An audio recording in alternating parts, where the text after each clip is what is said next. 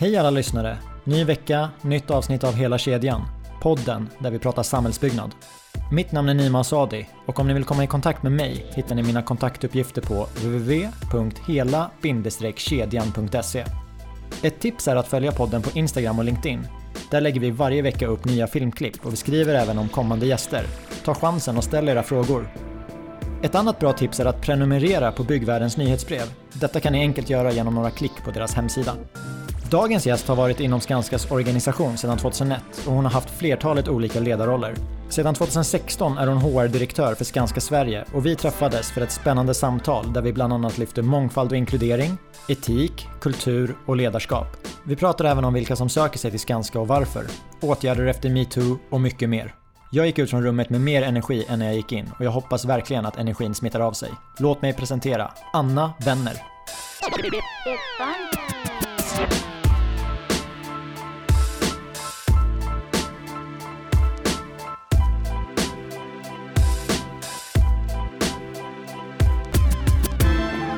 Anna Wenner, välkommen till Hela kedjan. Tack så mycket. HR-direktör på Skanska Sverige. Yes. Sedan hur länge då? Det här, jag är inne på mitt fjärde år, så jag började 2016. Men jag har ju varit på Skanska sedan 2001. I mm. vilken roll var det då? Ja, men då hade jag ju läst journalistik och kommunikation och statsvetenskap och sådana ämnen. Eh, så att jag gick in som PR-ansvarig, jobbade med kommunikation och pressfrågor och kris. Och det var ju som kommunikatör var en otroligt spännande tid för att det var ju en bransch som var väldigt ifrågasatt. Mm. Det var ju frågor kring kartellbildning och det var kvalitetsfrågor och så. Så det var en snabb inlärningskurva i saker som inte funkade så bra. Eh, men också gjorde att eh, det fanns stora anledningar för företaget, att, för Skanska och andra i branschen också, att ta itu med sina problem och blicka framåt och vad behöver förändras och förbättras. Och där vi liksom satte igång mycket förändringsarbete både på miljösidan och på etiksidan och sådär. Som jag fick vara med om då och jobba nära VD och sånt i de typerna av frågor. Så otroligt spännande. Du, du, har ju haft olika roller. Så mm. vad, vad är det som har fått dig att vilja byta jag har nog en stark drivkraft som många andra att fortsätta utvecklas och känna att det finns någonting nytt, att eh, nya svåra saker att få ge sig i kast med. Och för mig har det varit sådär att i och med att jag har bytt lite bana inom företaget också, att ge sig in i områden och ta med sig någonting som man kan och känner sig trygg i. Eh, och samtidigt in i någonting som är helt utanför komfortzonen också. Att kunna kombinera de två delarna. Och sen är det ju lite så här, jag tror att det är så på många stora företag att lyckas du visa ditt resultat och göra bra saker, då får du också ett förtroende. Och det förtroendet kan ju ibland vara lite kanske väl stort. Därför att har du gjort någonting gott, ja, men då kan du säkert fixa det där också. Och det är ju en utmaning i sig. Och man får chanser som man kanske inte skulle fått om man kom direkt utifrån och så. Så det är både en fördel och eh, kan vara en utmaning. Men för mig har det verkligen drivit fram min utveckling också. Att jag har kunnat få göra olika saker och varit olika delar i företaget och jobbat internationellt och på koncernnivå och olika delar. Men då det jag tänkte för Skanska, det är ju det är ett av de största byggföretagen i Sverige men mm. finns också internationellt. Men vilka, de som söker sig till Skanska, har ni någon mm. liksom, statistik på varför söker man sig till Skanska? jag tror att den här delen som vi pratar om, det här möjlighet till utveckling, den är jätteviktig.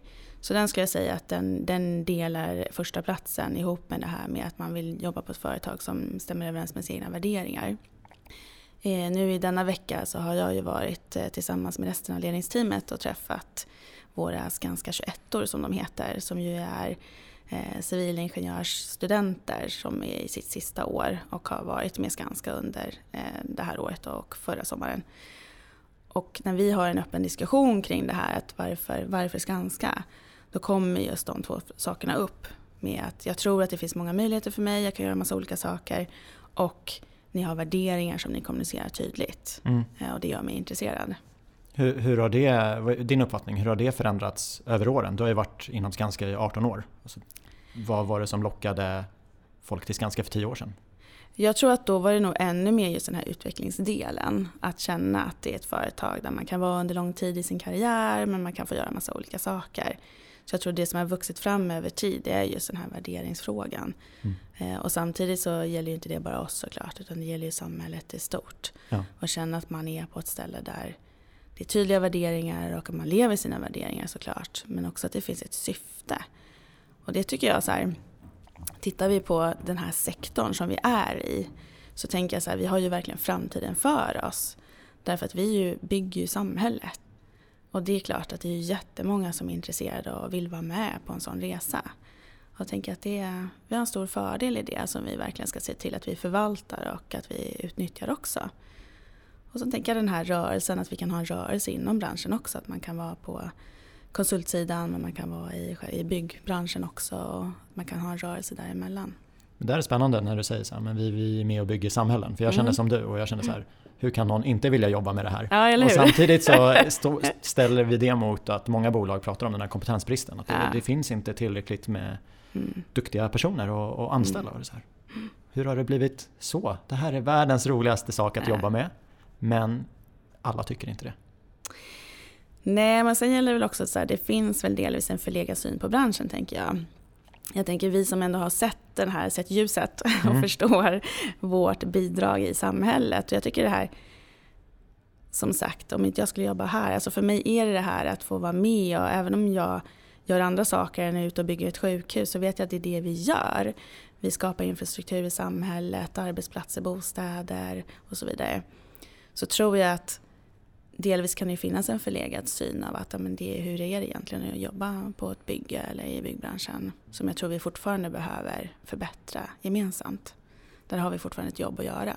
Ja, verkligen. När jag tänker på ett bra samhälle så tänker jag på mångfald och inkludering. Och det mm. råkar ju vara två saker som du verkligen brinner för. Mm. Så vad, vad innebär mångfald och inkludering för, för dig? Och hur syns det i din vardag i, med HR-frågorna? Mm. Alltså för mig tror jag så här, om man ska säga vad är liksom den viktigaste frågan för branschen så skulle jag nog vilja säga att det handlar om inkludering. Det, om inte vi kommer till rätta med de frågorna och förstår liksom kraften eh, och de saker vi behöver göra för att förbättra inkluderingen så kommer det bli jättesvårt för oss framåt. Och då kan man undra så här, var, varför är det så? Är det bara en HR-chef som säger på det viset? Men för mig handlar det om i stort att, vi är, att vara en konservativ bransch, och då, då pratar jag om oss själva som Skanska, men också resten av branschen, så handlar det om att kunna inkludera ny kompetens. Att kunna se att men, i hela digitaliseringsspåret, eh, innovation och kreation, liksom, vad behövs för det? Det handlar ju om att inkludera nya synsätt, nya perspektiv. Och det betyder att vi behöver inkludera människor som har andra perspektiv hos oss. Och inte liksom gå bort från det här att men det där har vi provat och så där gör vi inte. Och det är bra att du kan data liksom på något vis men eh, nu måste du först eh, vara ute på bygget här i tre år innan du kan säga något. Du måste ju lära dig verkligheten först. ja, exakt. Så det tänker jag, för mig är det inkludering. Och det är liksom ett, eh, det är en, en kompetens. Ett inkluderande förhållningssätt för mig är en kompetens som vi måste ha, eh, som vi kan ha naturligt. Och har vi inte det, då måste vi förvärva den kompetensen. Så det pratar vi ju jättemycket om i, i ledningen i, i Skanska och eh, även på alla nivåer. Och hur gör man det? Hur får man det att hända? Ja precis, har du några exempel på hur, hur man gör och hur man kan få det att, att hända? För att jag tror att väldigt många pratar om det och, och mm. håller med dig. Men, men hur, hur, gör vi, hur gör vi sen? Ja, men jag tänker så här, och då handlar det om, och mångfald och inkludering går ju hand i hand. För att det är ju inte så svårt att vara inkluderande om alla är lika. Då blir det en ganska skön miljö liksom. Att åh, alla håller med mig, vad skönt. Ja. Utan det, det, de går ju hand i hand. Vi måste ju ha en mångfald för att kunna, alltså, för att kunna skapa en inkluderande miljö så behövs det ju många perspektiv, det vill säga mångfald. Och har vi mångfald utan inkludering då får vi ju snarare en högre omsättning av människor för då väljer man att inte stanna. Mm. Om man känner att inte det jag kommer med tas, till, tas tillvara. Och jag tänker så här att inkludering det handlar ju också om att man kan tycka så här, men nu är jag ju manlig ingenjör och jobbat här länge och är liksom typ profilen på något vis. Men vem är jag? Jag menar vi är alla olika. Så grund och botten att få vara sig själv. Den tror jag, den gäller ju så starkt för alla. Och skapar vi en sån miljö då kommer också det blomstra, även vår klassiska liksom, profil kommer komma upp med mer saker och kunna bidra på ett ännu bättre sätt. Men jag tänker att det handlar om det här huret som du är inne på. Mm. Tänker det handlar ju om, eh, det är några saker, liksom, det gäller att ha kunskap. Sen gäller det att kunna förändra attityder och sen är det att se det beteende. Så det gäller att jobba med de tre perspektiven. Och ibland börjar man med kunskap, men har man helt felaktiga attityder då kan man inte ta till sig kunskap heller. Och då ser vi inget ändrat beteende. Så det är de parametrarna man får jobba med. Sen har ju vi satt strikta mål eh, från ledningsteamet vad gäller mångfald till exempel. Och de knyter vi ju till våra eh, bonusavtal till exempel. Så det är ju hardcore, liksom, att uppnår du inte din mångfald då, ja, då får det en konsekvens för dig personligen. Ja men det tänker jag. Jag tycker att det är jättebra mm. att ha värden som inte är det ekonomiska just idag. Mm. Men vi vet ju att mångfald det, det, det, kommer ju leda till ett bättre utfall. Exakt. Annars hade vi inte kämpat för det. Och med mångfald då, då vet man ju så men vi har en fördelning mellan manligt och kvinnligt mm. och eh, eh, hens så att mm. ingen blir eh, arg. Eh, sen har vi ålder, vi har mm. familjesituation, bakgrund, utbildning. Ma massa äh. saker. Det är jättekonkret för mig mm. som ingenjör som är den här mm. sifferpersonen. Äh. Inkludering är ju svårare. För det är så här, inkluderar du tillräckligt i din grupp? Äh. Hur stämmer man av sånt? Nej, men jag tänker så här, inkludering det kopplar ju väl också till öppenhet och nyfikenhet. För jag tänker, ska det vara, om du ska vara duktig på inkludering då måste du i grund och botten vara nyfiken. Mm. Du måste vara nyfiken på andra. Och den nyfikenheten kan man också öva upp tänker jag.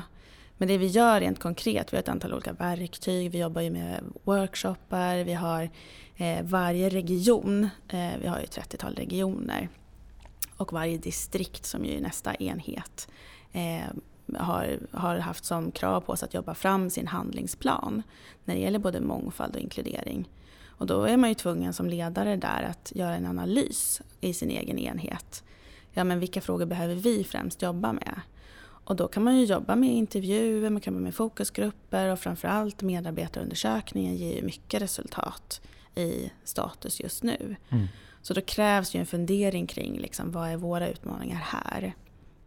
Och det kanske är så att man behöver jobba ännu mer med, med workshoppar i teamet och, och testa av liksom, för att skapa den här öppna miljön. Och sen så givetvis har vi HR som hjälper till där i den typen av situationer. Och vi har en fantastisk person som heter Monica Westerberg som är vår mångfald och inkluderingschef som hjälper till också ute i, i linjen i verksamheten, i projekt eller andra ställen. Sen har jag sett också att det är inte så dumt ibland att det händer saker. För att det ökar också förändringstrycket. Där vi har haft liksom diskrimineringsfrågor eller andra exkluderande tydliga beteenden Ibland kan ju människor bli väldigt eh, besvikna över att det händer men man kan också se att det är en förändringskraft. För när det kommer upp och det blir tydligt då får vi också incitament att skapa förändring. Då ökar ju den här eh, attitydparametern eh, om man säger så. Så då får man en bra, det, det är en bra öppning, en bra timing.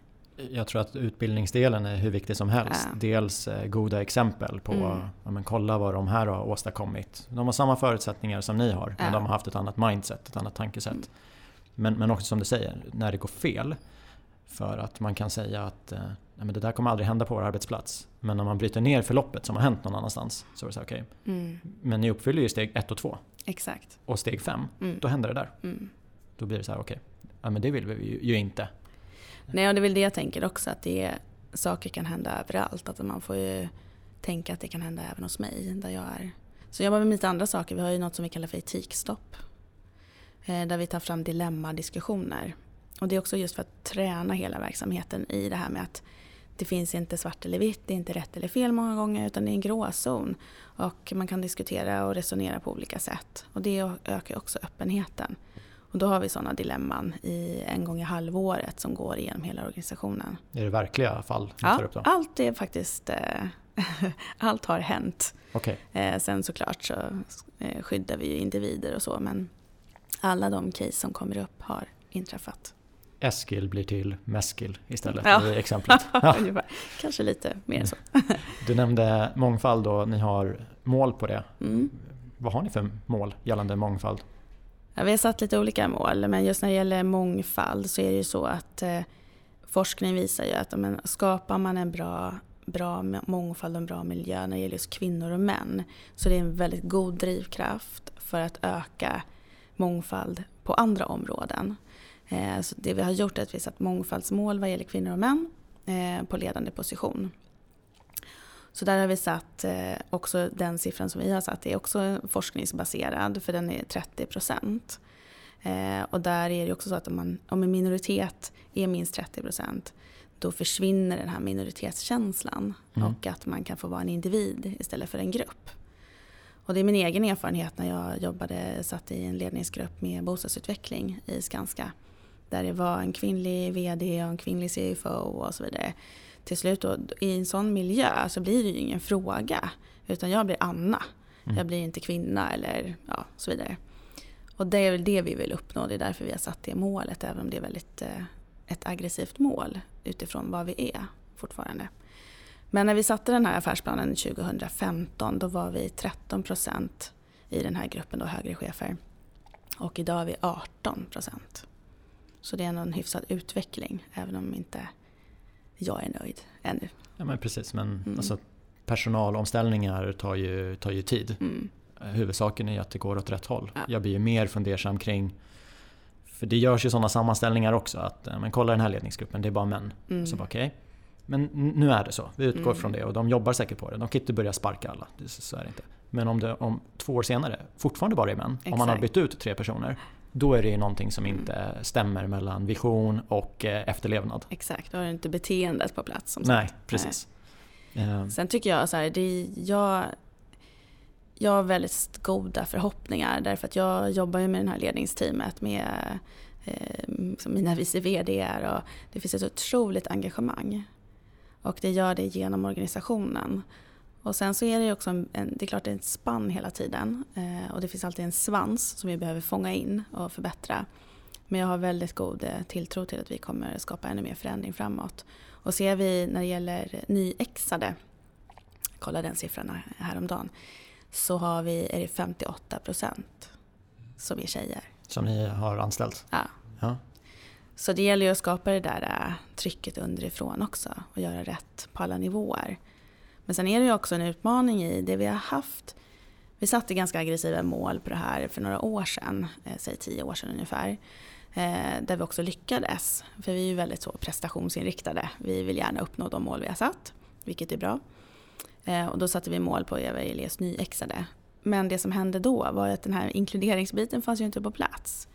Så då hade vi, fick vi istället en väldigt stor omsättning på unga kvinnor i företaget. Så man valde att inte stanna. Mm. För att miljön var inte där. Nej. Så det har vi ju lärt oss verkligen. Men det funkar inte. Utan det måste ut på projekten.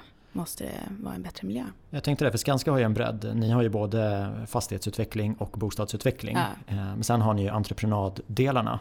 Och där är ju min uppfattning att kommer du ut till en byggarbetsplats, det är ju inte tal om några 30 procent där. Nej. Det är bland yrkesarbetare så är det ju 1-2 procent kanske. Exakt. Och det är kanske inte så konstigt för att eh, just när det är som du säger, alltså om du är eh, tjej eller utländsk eller mm. om du är en minoritet mm. och ni är 5 procent av arbetsplatsen.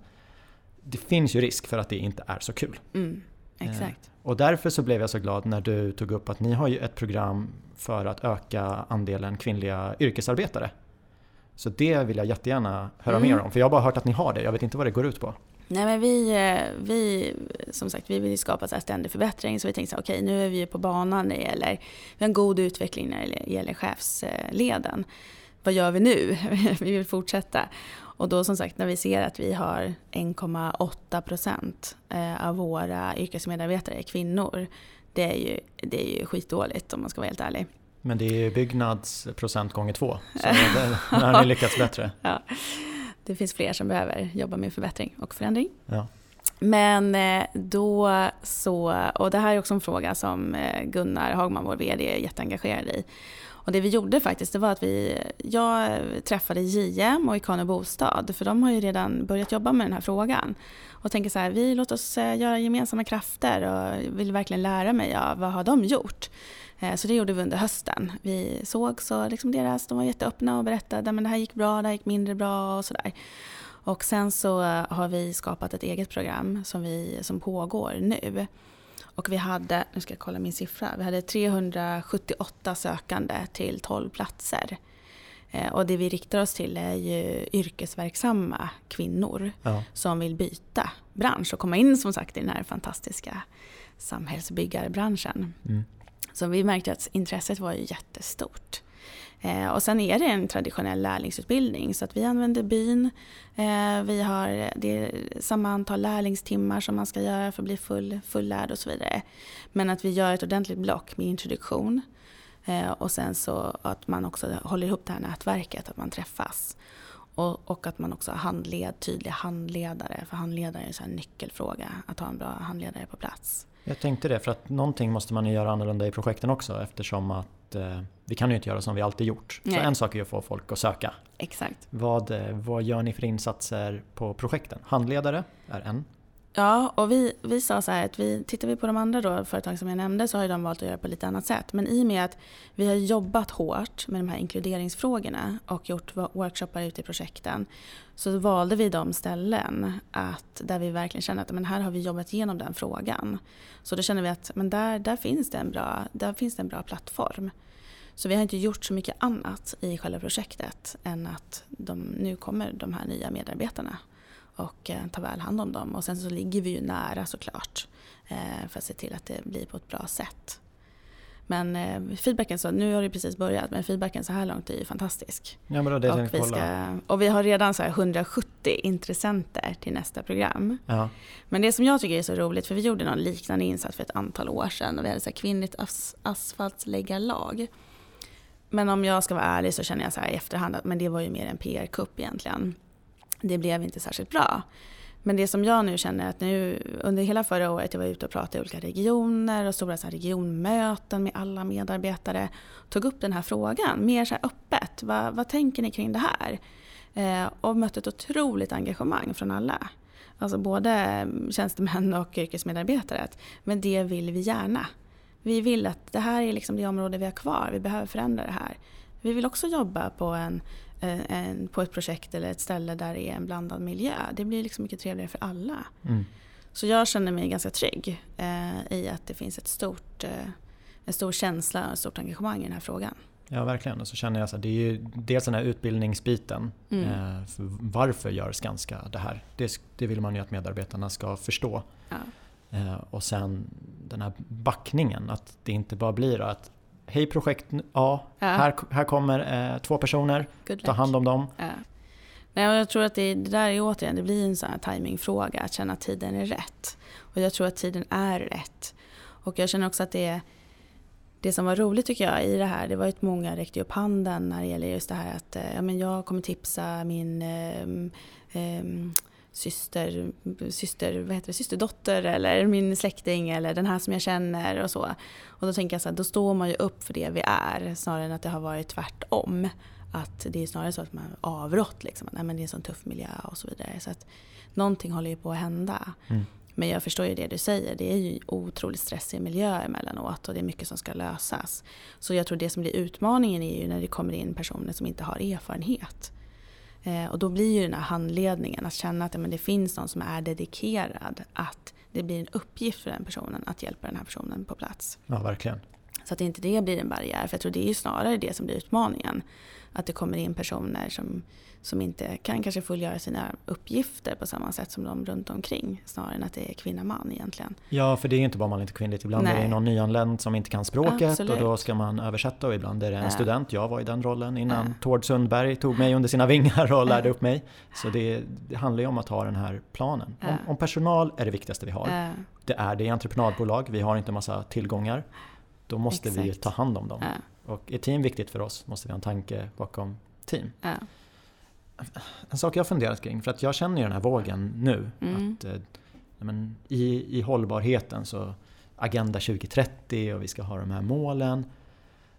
Jag är svårt att tro att man 2001 sa att nej, män är bättre än kvinnor, det ska bara vara män. Jag, jag har svårt att köpa det. Samtidigt så har det gått eh, långsamt. Eh, och då undrar jag, det som händer nu, hur ligger Sverige till? Du har ju ett omvärldsperspektiv i och med Skanska finns mm. runt om i världen som jag saknar. Mm. Vad får du för input från andra HR-direktörer i andra länder? Hur ligger de till i arbetet med liksom, mångfalden? Ja, men jag tror så här, nej, att vi, eh, det är nog lite blandat skulle jag säga. Det är ju lätt för oss att säga att vi är bäst i Sverige på något vis. Vi gör ju gärna det. Men vissa saker är vi ju riktigt bra på. Och jag tänker det här att få in kvinnor i ledande position, att som sagt våra regionchefer är ju de som nu rapporterar till ledningsteamet. Där har vi ju 30% kvinnor. Det är ju unheard av liksom på andra ställen. Mm. Och det tror jag, jag skulle tro att det är världsbäst faktiskt. Så där är vi ju jätteduktiga på det. Eh, och det blir en icke-fråga så småningom. Sen när det gäller annan typ av mångfald, tittar vi på USA, där är det mycket mer kring etnicitet och att man har en helt annan eh, förståelse och jobbar med de frågorna på ett helt annat sätt och är mycket mer engagemang i de frågorna. Där har vi jättemycket att lära. Tittar jag liksom i vår organisation så är det ju få som har en annan typ av bakgrund på det sättet. Så det är ju någonting som vi inte kommer kunna blunda för framåt utan verkligen måste, ja, hur gör vi med det här? Mm. Och tittar vi på England så har ju de när det gäller just säkerhet och arbetsmiljö så ligger ju de mycket längre fram än vad vi gör. Kommer du till en engelsk arbetsplats så är ju studs och puts liksom på ett helt annat sätt. Vi tyckte att vi är duktiga och engagerade men det är ju, de är ju ännu mycket bättre än vad vi är. Så jag tänker att det är väl den här äh, återigen nyfikenheten och öppenheten och känna att vi kan lära av varandra. Eh, alla är bäst på något på något vis. tror jag är det, det som är känslan när jag rör mig runt i Skanska. Verkligen och spännande mm. att se att man kan plocka det bästa från olika länder. Englands Exakt. säkerhetstänk och ja. USAs inkludering. Sen tycker jag att det är jättehäftigt med 30% i ledande position. För att någonstans så börjar det i ledningen. Ja. Man kan inte säga att det ska vara mångfald i projekten om det inte är det i ledningsrummen. Nej, och där vet vi återigen när vi hade så här regionchefsmöte här och man känner ju i rummet, då blir det återigen det här, det blir en icke-fråga. Utan det blir individer som är där med sina för och nackdelar på något vis. Det blir inte grupperingar på det sättet. Mm. Sen tror jag just att det blir viktigt med att man har förebilder. Ja. Eh, som unga, unga kvinnor i organisationen. Hur jobbar ni med det? Ja, men där är vi, mm, försöker skapa synlighet såklart. Eh, men det är också lite dubbelt tänker jag. För att de som har varit länge, eh, min generation på något vis, har ju också tagit sig fram på gamla, liksom så som det var då. Och det är inte säkert att man vill eh, liksom kännas vid att men jag, är inte, jag är medarbetare, jag är inte kvinna liksom, i första hand. Så att det kan bli lite dubbelt ibland. Att, eh, huruvida man vill liksom, synas och just i de frågorna och driva liksom, jämställdhet och mångfaldsfrågor. Och, det kan vara en känsla av att nej, men jag driver projekt, punkt. Ja. så att jag vill inte... Men oavsett, tänker jag, har man en annan bakgrund så blir man ju en förebild. Så jag tänker, är man, är man chef, liksom, får man axla den rollen? Även om man skulle vara, liksom, ha en annan typ av, eh, ja, någonting annat som inte är helt vanligt eller sådär. Precis. Så, eh, men det får ju vara upp till individen. Jag tänker också där att jag tänker ganska många gånger tillbaka på en historia som när jag var ute på, för massa år sedan, ute på ett projekt. Vi hade haft liksom just det här med eh, kurser liksom i, i, företaget och så. Så kom jag ut på ett projekt tillsammans med en kollega som jobbar mycket med kvalitet och arbetsmiljö men i en senior position. Var på den här projektchefen till slut blir ganska irriterad för att hon är ganska ifrågasättande. Säger så här, lilla gumman mm. till henne. Eh, och så här, oj oj oj, tänker jag, vad händer nu? Okej, okay. sen så efteråt så när vi gick ut på projektet så eh, tar jag honom åt sidan så här, du jag måste ge dig feedback. Det här med lilla gumman, hur tänker du kring det? Va? Sa jag det? Ja, det sa du. Nej men jag har ju gått kurs. Ja. Apropå det här med kunskap. Ja, nej men det var ju inte bra och sådär. Ja, och sen så när vi går vi tillbaka till bilen, jag och min kollega, och eh, så säger jag till henne då så att ja, men det här var ju bra besök och de var ju duktiga på det här och det här, men det, det var ju tråkigt det här med lilla gumman. Nej men, sa han det till dig? Ja. Så här, nej, han sa det till dig. Du tänkte inte ens på det? Nej, och så tänker jag just det här med insocialiserade beteenden är ju någonting som vi alla får kämpa med, liksom att vi, att se. Och då tänker jag det är så här, ta på de där nya glasögonen när det gäller massa olika frågor det är ju det som vi, ju, ju, snabbare vi tar på de nya glasögonen desto mer framgångsrika tror jag vi kommer att vara. Och det, gäller alla, det är klimat, liksom, det är etik, det är säkerhet, det är mångfald och inkludering, det är alla den typen av frågor som kommer att vara så viktiga. Förutom såklart nya produktionsmetoder och innovation och alla de sakerna också. Ja, men ibland behöver man de här uppvaknandena och det kan vara att någon tar dig åt sidan och ger dig lite feedback. Det kan Ja. vara att ni gör de här etikstoppen så att, så att man blir insatt. Eh, En av grejerna med metoo, förutom att det kom ut så helt hemska situationer, Mm. det var ju att man tänkte till kring det dagliga. För att den där personen som sa lilla gumman, nu var ju han han visste ju sen, men jag ska inte säga det här. Mm. Men det är ju många som, "Ja, men jag menar ju inget illa med det och då Exakt. kan jag säga det. Ja, precis. Okej, kan du? Ja. Hur, vem bestämmer det? Är det du Ja. eller är det mottagaren? Exakt. Så det var ju någonting bra som kom med Ja. metoo. Att det kom upp. Ingen kunde blunda för att vi måste prata om det här. Nej, men jag håller helt med dig. det är klart att, att läsa den här sista spiken i kistan, historierna, det är, man blir ju gråtfärdig givetvis och man tänker att det är mycket lidande, är det ju. Eh, på massa olika sätt. Men jag tänker i grund och botten att det kommer upp. Det är ju det vi behöver. Vi behöver ju slap in the face liksom för att, eh, att verkligen vakna upp och, och göra de saker vi behöver göra. Ja. Och jag tänker just det här att en sak tänker jag i, kring det här, att det blir mycket det här offret ska ställa sig upp. Men det vi pratar mycket om är ju så här, men vi är inte framme förrän den som står bredvid ställer sig upp. Och det tror jag är extra viktigt i byggbranschen därför att vi har, hur mycket vi än pratar om det här nära ledarskapet, så är det inte riktigt så ute. Att du har kanske en arbetsledare som är nära och har också ett stort ansvar men det är mycket som händer och man är utspridd och man är liksom på olika ställen på ett stort projekt och så. Det kräver ju att den som står bredvid steppar fram. Ja. Att du som kollega steppar upp, det här funkar inte, vad, vad händer nu, vad säger du nu? Och den tänker jag, så här, där, där är vi ju inte riktigt än utan det, det sägs saker och det må ju vara alltså påhugg av, liksom påhopp av olika slag.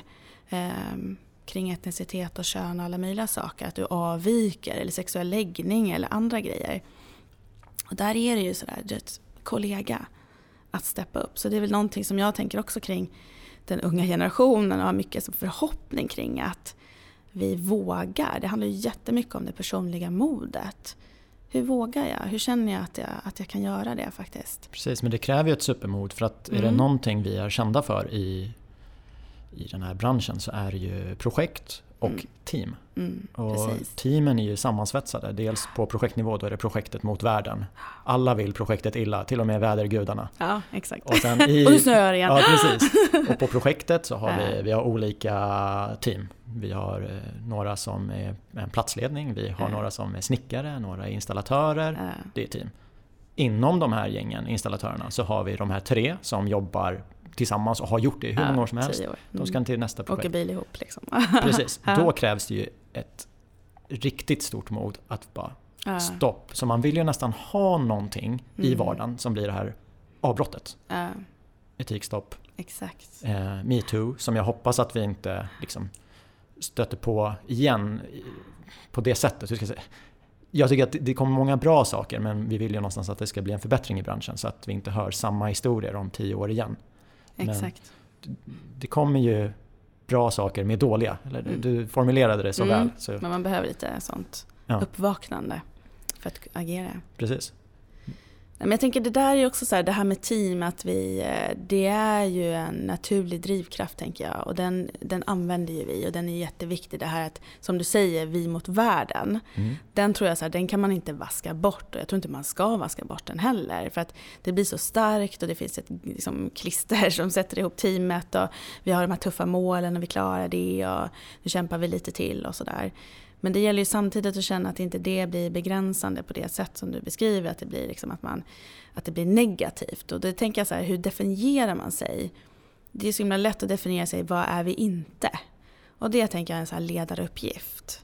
Att nej, definiera dig vad du, inte vad du är inte, utan vad, ska vi, vad är vi? Vad ska Mm. vi åstadkomma?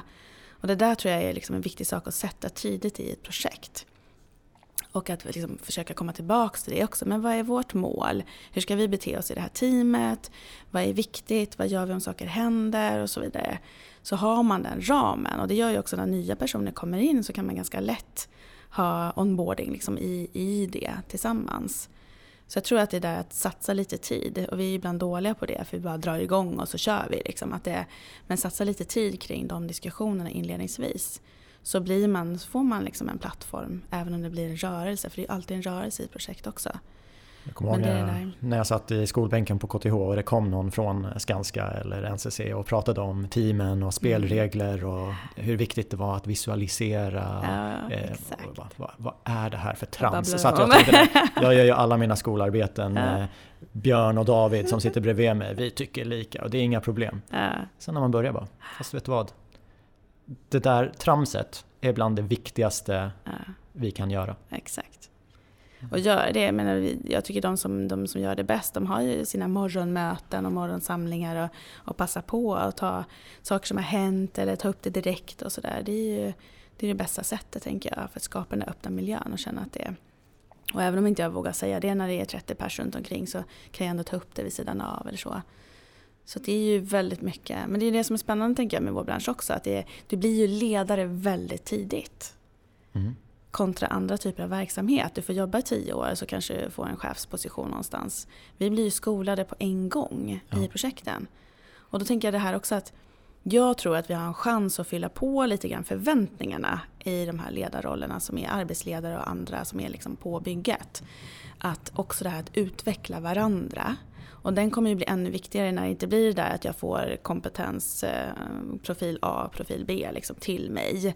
För ibland kan ju vi på HR höra så här, men ni måste rekrytera rätt kompetens, måste ha så här lång erfarenhet. Så här, jo men om det inte finns, vad gör vi då? Det, det är liksom inte HR-fabriken som kan tillgodose det, utan det måste vi hjälpas åt med. Mm.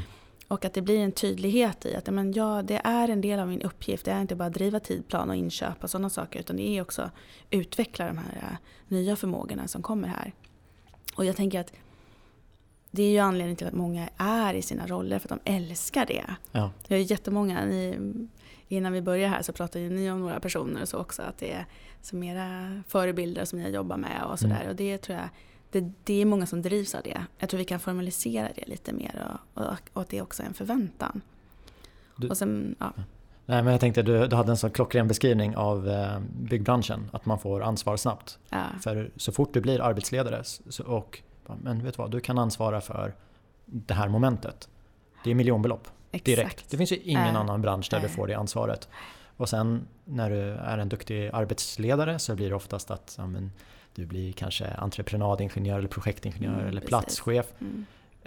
Det är ju ganska olika arbetsuppgifter Ja. för att vara ett karriärsteg. Och speciellt där när du går från eh, sakansvar Mm. till personalansvar. Exakt. Det är ju också någonting helt annat. Och någonting som... När jag började i branschen så tyckte jag men det finns inte så många roller. Så vill man utvecklas, du har, på projekt har du arbetsledare, Mm. entreprenadingenjör och platschef. Det kanske heter lite olika beroende på vad man är. Sen nästa steg, det är arbetschef. Och då har du personalansvar. Mm. Nu tycker jag att det har kommit lite nya roller. Och det, vi hade Tina Karbom från KTH, hon ju samma sak. Att Mm. Det poppar upp nya roller så att man kan gå de här olika vägarna. För att det är, det, det, det är två helt olika saker. Ja, det tänker jag så. här. Och det är ju också någonting. Men trots allt tänker jag så även om du går verkligen projektspåret, menar, inte, inte mot personalansvar, tänker jag att det, det är ändå det där att du måste ändå vara intresserad av människor också. För det går inte att driva. Du kan inte bara vara tekniskt intresserad, du måste ändå vara intresserad av att jobba ihop med andra och mycket mer så tror jag än på många andra ställen. Mm. Men också att det är uppsidan och att det rör på sig hela tiden och den här ändå hålla din plan men ändå vara, ha en flexibilitet. Så ja. Ja, men det Den. går ihop där. Eh, Sök till samhällsbyggnadsbranschen för då får du utveckla samhället. Och vet du vad? Du kan jobba med jättespännande tekniska frågor Ja. och du kan jobba med personal och du kan kombinera allt ihop. Exakt. Sök. Ja. Sista ansökningsdatum. Nej.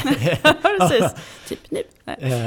Nej. Men sen tänker jag också det här med unga, liksom, vi pratar om det, så här, hur, hur, att utveckling är viktigt. Där tänker jag, det finns ju någonting kring att man ser de formal, formella stegen och vilka utbildningar får jag gå och kurser och får jag gå på det här och jag vill vidare in i, in i en ny roll. Där tror jag det blir också en viktig uppgift det här att kunna visualisera och paketera och berätta liksom, vad är det jag har lärt mig.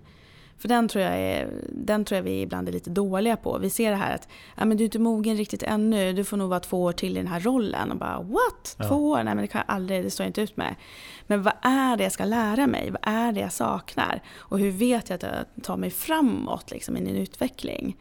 Den tror jag vi också är, behöver, den kan vi också bli bättre på i projekten. Att kunna berätta liksom, det här är, nu har du faktiskt gjort det här momentet och lärt dig de här sakerna. Att det är en jätteviktig del av utvecklingen. Vi pratar om det, så här, 70% av det du lär dig gör du faktiskt i din dagliga, i din dagliga verksamhet, det du gör. Ja. Och det är liksom synliggöra de sakerna. Det är liksom inte bara kurser, kurser och andra saker. Vi måste bli bättre på det för att eh, om en medarbetare inte känner sig uppskattad, i alla fall de senaste åren, det har inte Nej. varit svårt att byta arbetsgivare. Eh, Och då kommer vi in på personalomsättning. Ja. Visst var det en bra övergång? Ja. Ja. ja. Eh, är ni nöjda med den på Skanska? Nej, men jag tänker så här att vi, vi ligger på 9 procent. Eh, det vill säga kanske HR, HR-nörderi och prata om siffror på det området. Men 9 procent och vi har väl en målsättning som ligger på 6 och det är ett ganska aggressivt mål egentligen. Och, men vi har varit uppe lite, under förra året så var det uppe lite över 9 också. Och, men jag tror att den, den där är, den är svår att få ner även om det, blir, bransch, om, även om det svalnar av. Eh, så tror jag att den är ändå lite svår eftersom det är just det här att man vill liksom byta och man vill prova vingarna någon annanstans och man har ett kortare tidsspann än vad vi har haft förut. Mm. Så eh, det är klart att med tanke på att vi som sagt rekryterar 800 till 1000 personer eh, per år har gjort. Det är ju otroliga utmaningar i det. För det handlar ju om att introducera det vi kallar liksom för onboarding, att man ska lära sig massa olika saker. Eh, ja, hela introduktionen. Man brukar ju säga att det kostar ungefär en miljon liksom, att, eh, att tillsätta en ny person i alla delar. Wow, jag hörde det- 400 000. Ja men det tror jag om du räknar med liksom den tid det tar innan du verkligen är uppe och Ja. kan springa. Liksom. Så, så det, den behöver vi ju få ner. Eh, sen tänker jag att sen har det ju varit, det vi ser, eh, vilket jag tycker i grund och botten är bra, det är att vi har ju ganska många återvändare. Mm. Och då är det ju så att jag menar, förr i tiden var det så att va, du lämnar, du sviker. Så är det ju inte nu utan det är så här, ja men visst prova det och gå till den, det företaget eller den konsulten eller vad det nu må vara och testa. Och kom tillbaks med mycket bredare erfarenhet. Så tittar vi på, ur ett HR-perspektiv så vi ju, jobbar vi mycket med så här alumni-rekrytering och hålla kontakt med våra gamla anställda och så. För att känna att eh, du är välkommen tillbaks. Eh, gör det du behöver göra just nu men, men eh, kom gärna tillbaks. Ja, men viss omsättning är ju, det är ju sunt. Ja. Alltså, kan jag tycka. Och det finns ju de som eh, byter för att ja, men jag vill inte vara i den här branschen. Ja. Och sen vissa som, precis som du säger, men se någonting, någonting nytt och kom tillbaka. Det man inte vill, det är ju de här som man vill behålla, som man känner Mm. att men vi kan ju erbjuda dig något jättebra här. Ja. Byt inte. Men där det har blivit något, någon misskommunikation eller att man inte har förtroende Mm. eh, längre. Då kommer vi in på det här med behålla perspektivet. Mm. Har ni några liksom, tre punkter eller något som är viktiga? Så det här vill vi bli bättre på för att behålla medarbetare inom Skanska-familjen. Men jag tror att det, det, där vi gör det bra, eh, där har vi ett nära, nära ledarskap och de har en dialog hela tiden. Och då handlar det lite som vi har varit inne på, att vad är dina, vad är dina tankar själv om framtiden och vad, vi- hur vill du utvecklas? Vilka steg kan finnas för det?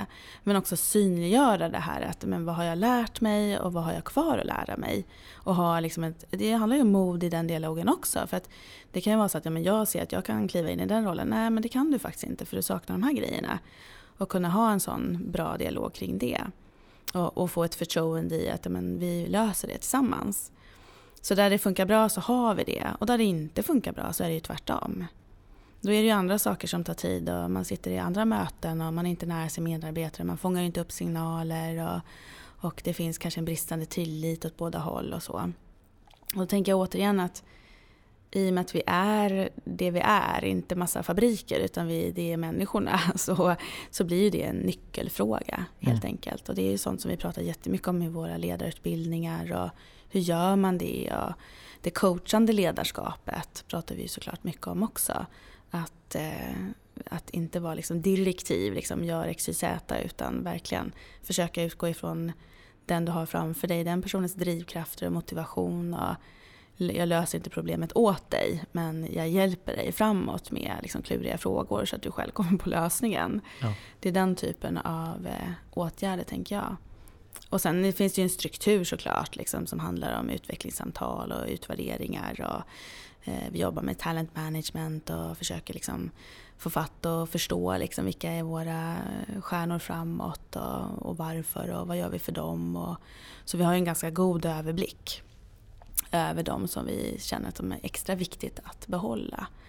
Och sen tänker jag så att, och det för mig är det ingen motsättning mot att vi behöver behålla alla.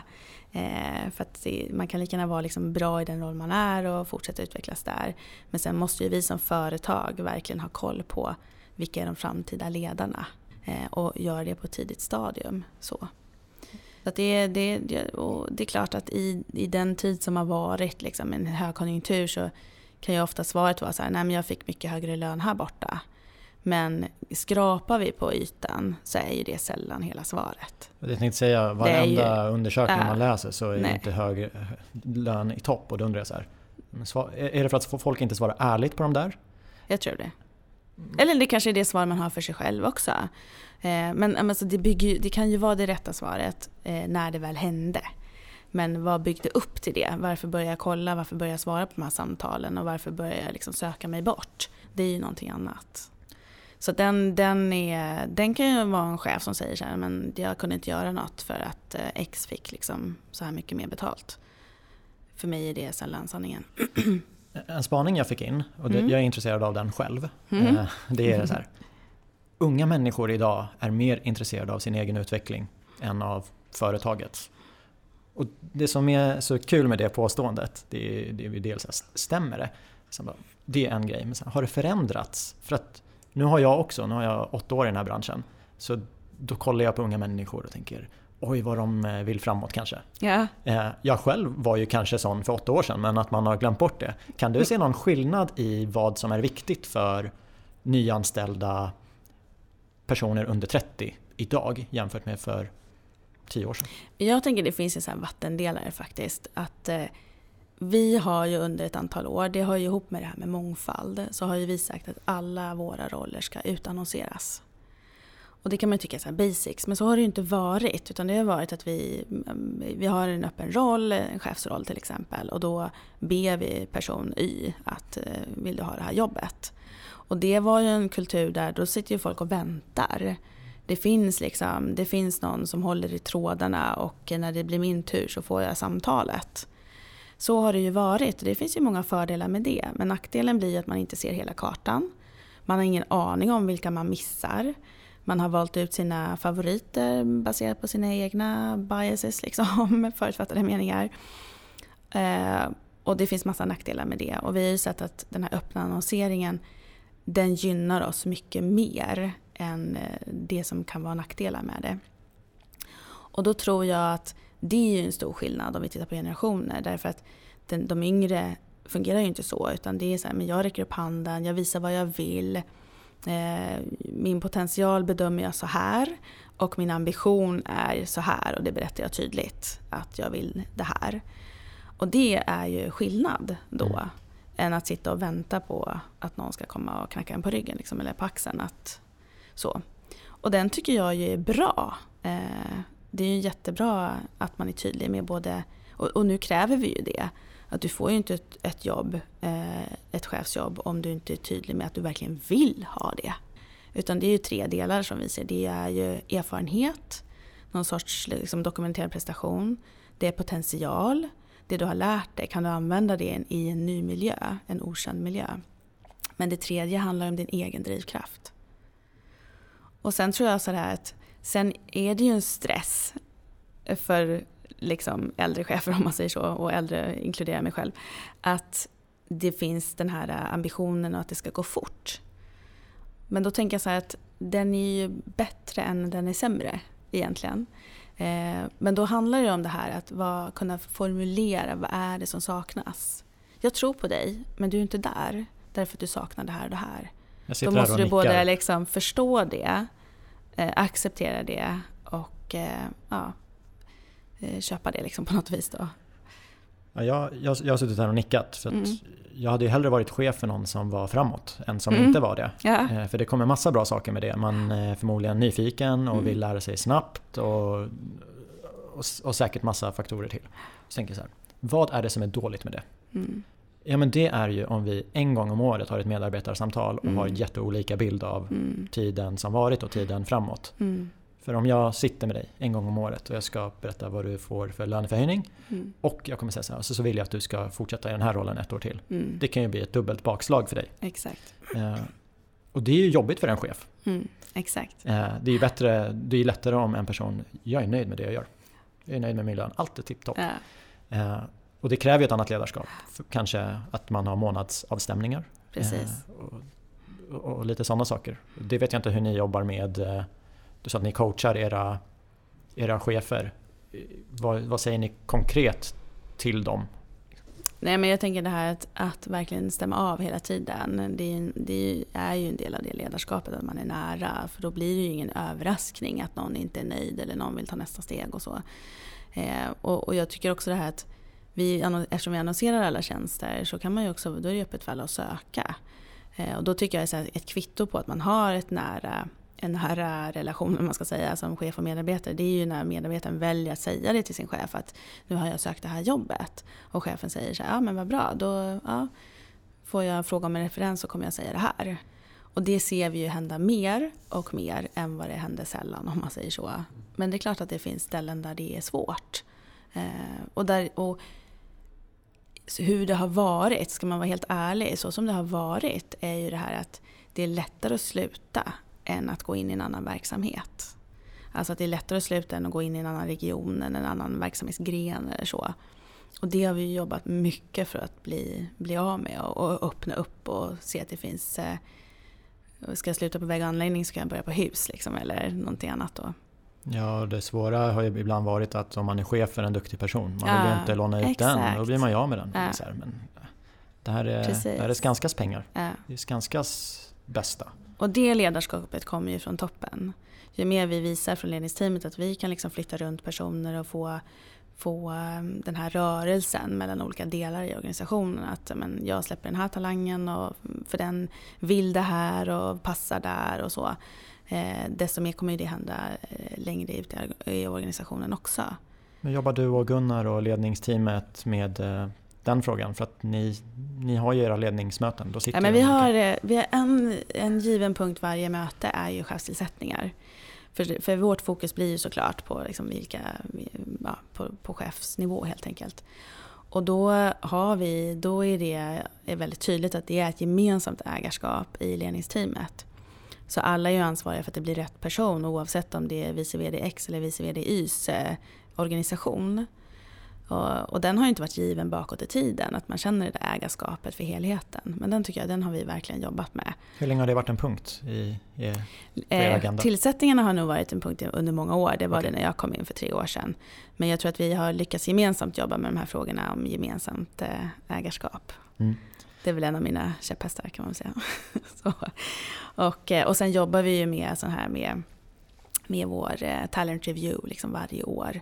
Och då är det samma sak, att vi tittar på de som är succession till eh, liksom våra regionchefer och till ledningsteamet. Den gruppen tittar vi på gemensamt. Och ser vi då liksom att ja, men ska man kunna bli, om någon i förlängningen ska kunna bli vice VD, då duger det inte med att du bara har huserfarenhet, utan du måste ha ett bredare perspektiv. Det är ett krav.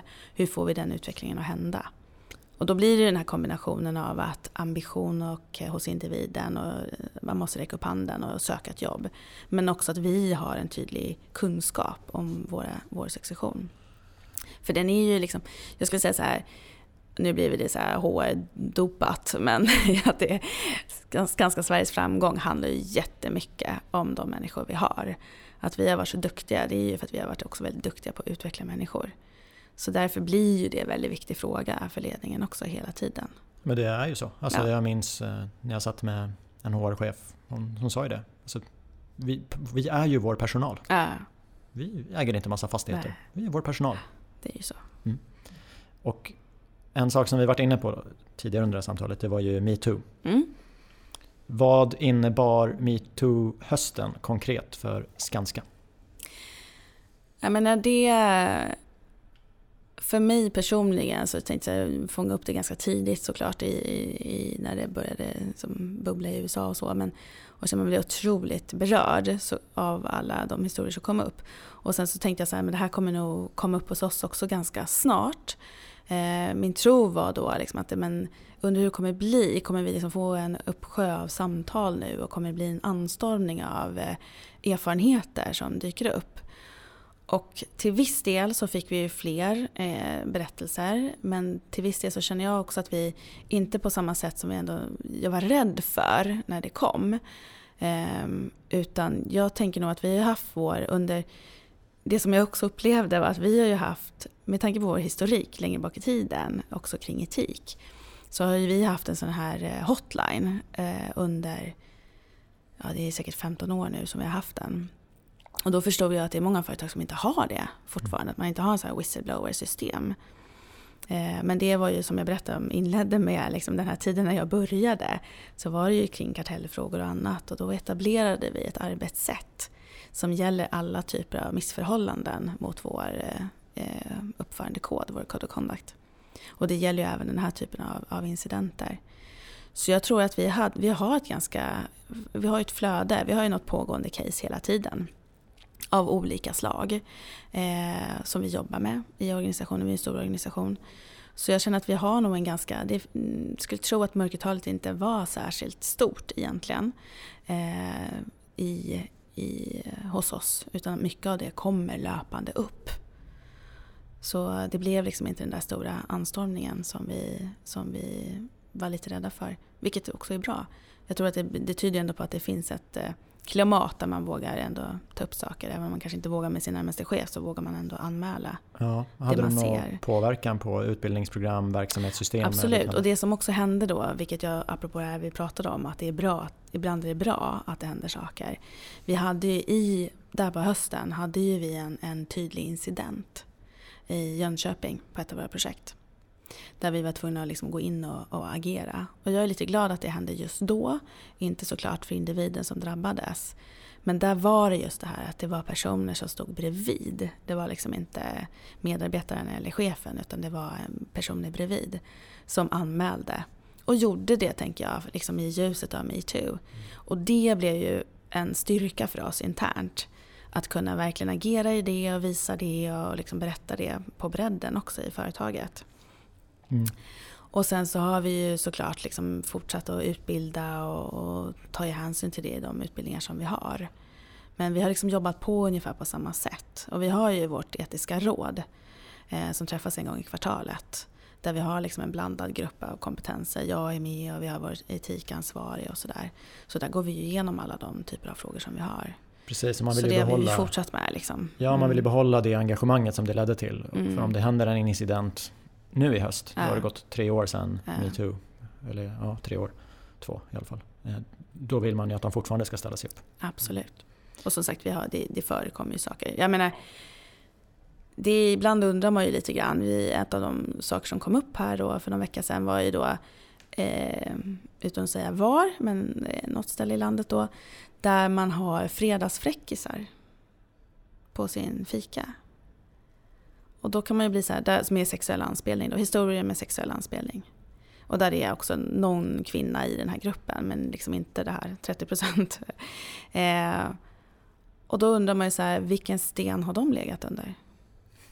Verkligen. Alltså hur kan det förekomma?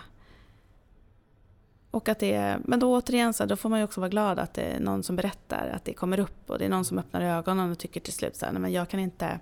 För det blir återigen, det blir det här att det är inte ens säkert att det är kvinnan i församlingen som säger något. Därför man är så, man är så eh, insocialiserad i ett beteende eller i en kultur. Så man tycker inte att det är konstigt ens. Ja men just så här, du menar inget illa. Fast... Exakt. Ja men lite skämt, ja. typ. Det kan du väl mm. tåla. Så det är klart att det är, och det tänker jag så här. Vi är bra på många ställen. Men så länge vi inte är bra överallt så har vi ett fortsatt arbete. Då är vi inte. Nej. Vi är inte det. Det finns ett jobb att göra fortsatt. Och det gäller att hålla den där andan uppe, liksom, att det, det är inte okej. Okay. Och då blir det, jag menar, där blir vi, delar ju ut erinran och så vidare. Det blir konsekvenser. Eh, och jag tänker det här att det är så viktigt att det blir konsekvenser. För att det är det språket vi behöver prata. För att annars, så blir man, annars har man ju inte tillit till att anmäla om man inte ser att någonting händer det blir superviktigt. Precis. Eh, utbildning måste ju gå hand i hand med konsekvenser och mm. någonstans däremellan en återkoppling. Ja. Så att man vet vad som händer. Det tror jag är jätteviktigt och det får man alltid som feedback. Att återkoppling, alltså mm. vad händer om, om du vill att vi ska anmäla eller om du vill att vi ska rapportera in erfarenhetspunkter. Vad händer sen? Mm. Vi, hur blir vi involverade i det? Ja, där tänker jag sådär, det är också en sån där eh, fråga som jag har engagerat mig mycket i. Det är ju så att i det du säger att också våga berätta vad hände sen. Och det där är ju såklart, där har ju den individers integritet. Vi måste ju ändå värna om människor som har gjort fel också. Men också verkligen ändå berätta. Därför att det är det som ändå skapar kulturen, att visa att vi har agerat. Så det är många gånger där jag liksom kanske är lite oense om hur mycket ska kommuniceras av utfallet. Ja. Eh, men min erfarenhet är att man tjänar oftast på att göra det på så, så, så tydligt sätt som det går. Verkligen och ofta blir det ju rykten. Det är ju det sämsta. Exakt. Så. Ja, men folk vet ju. Men är det någon som beter sig illa, det är ju sällan inte det är känt. Ja. Det är ju så. Precis. Och jag menar varje dag du inte gör någonting åt det så skapar du ju en kultur.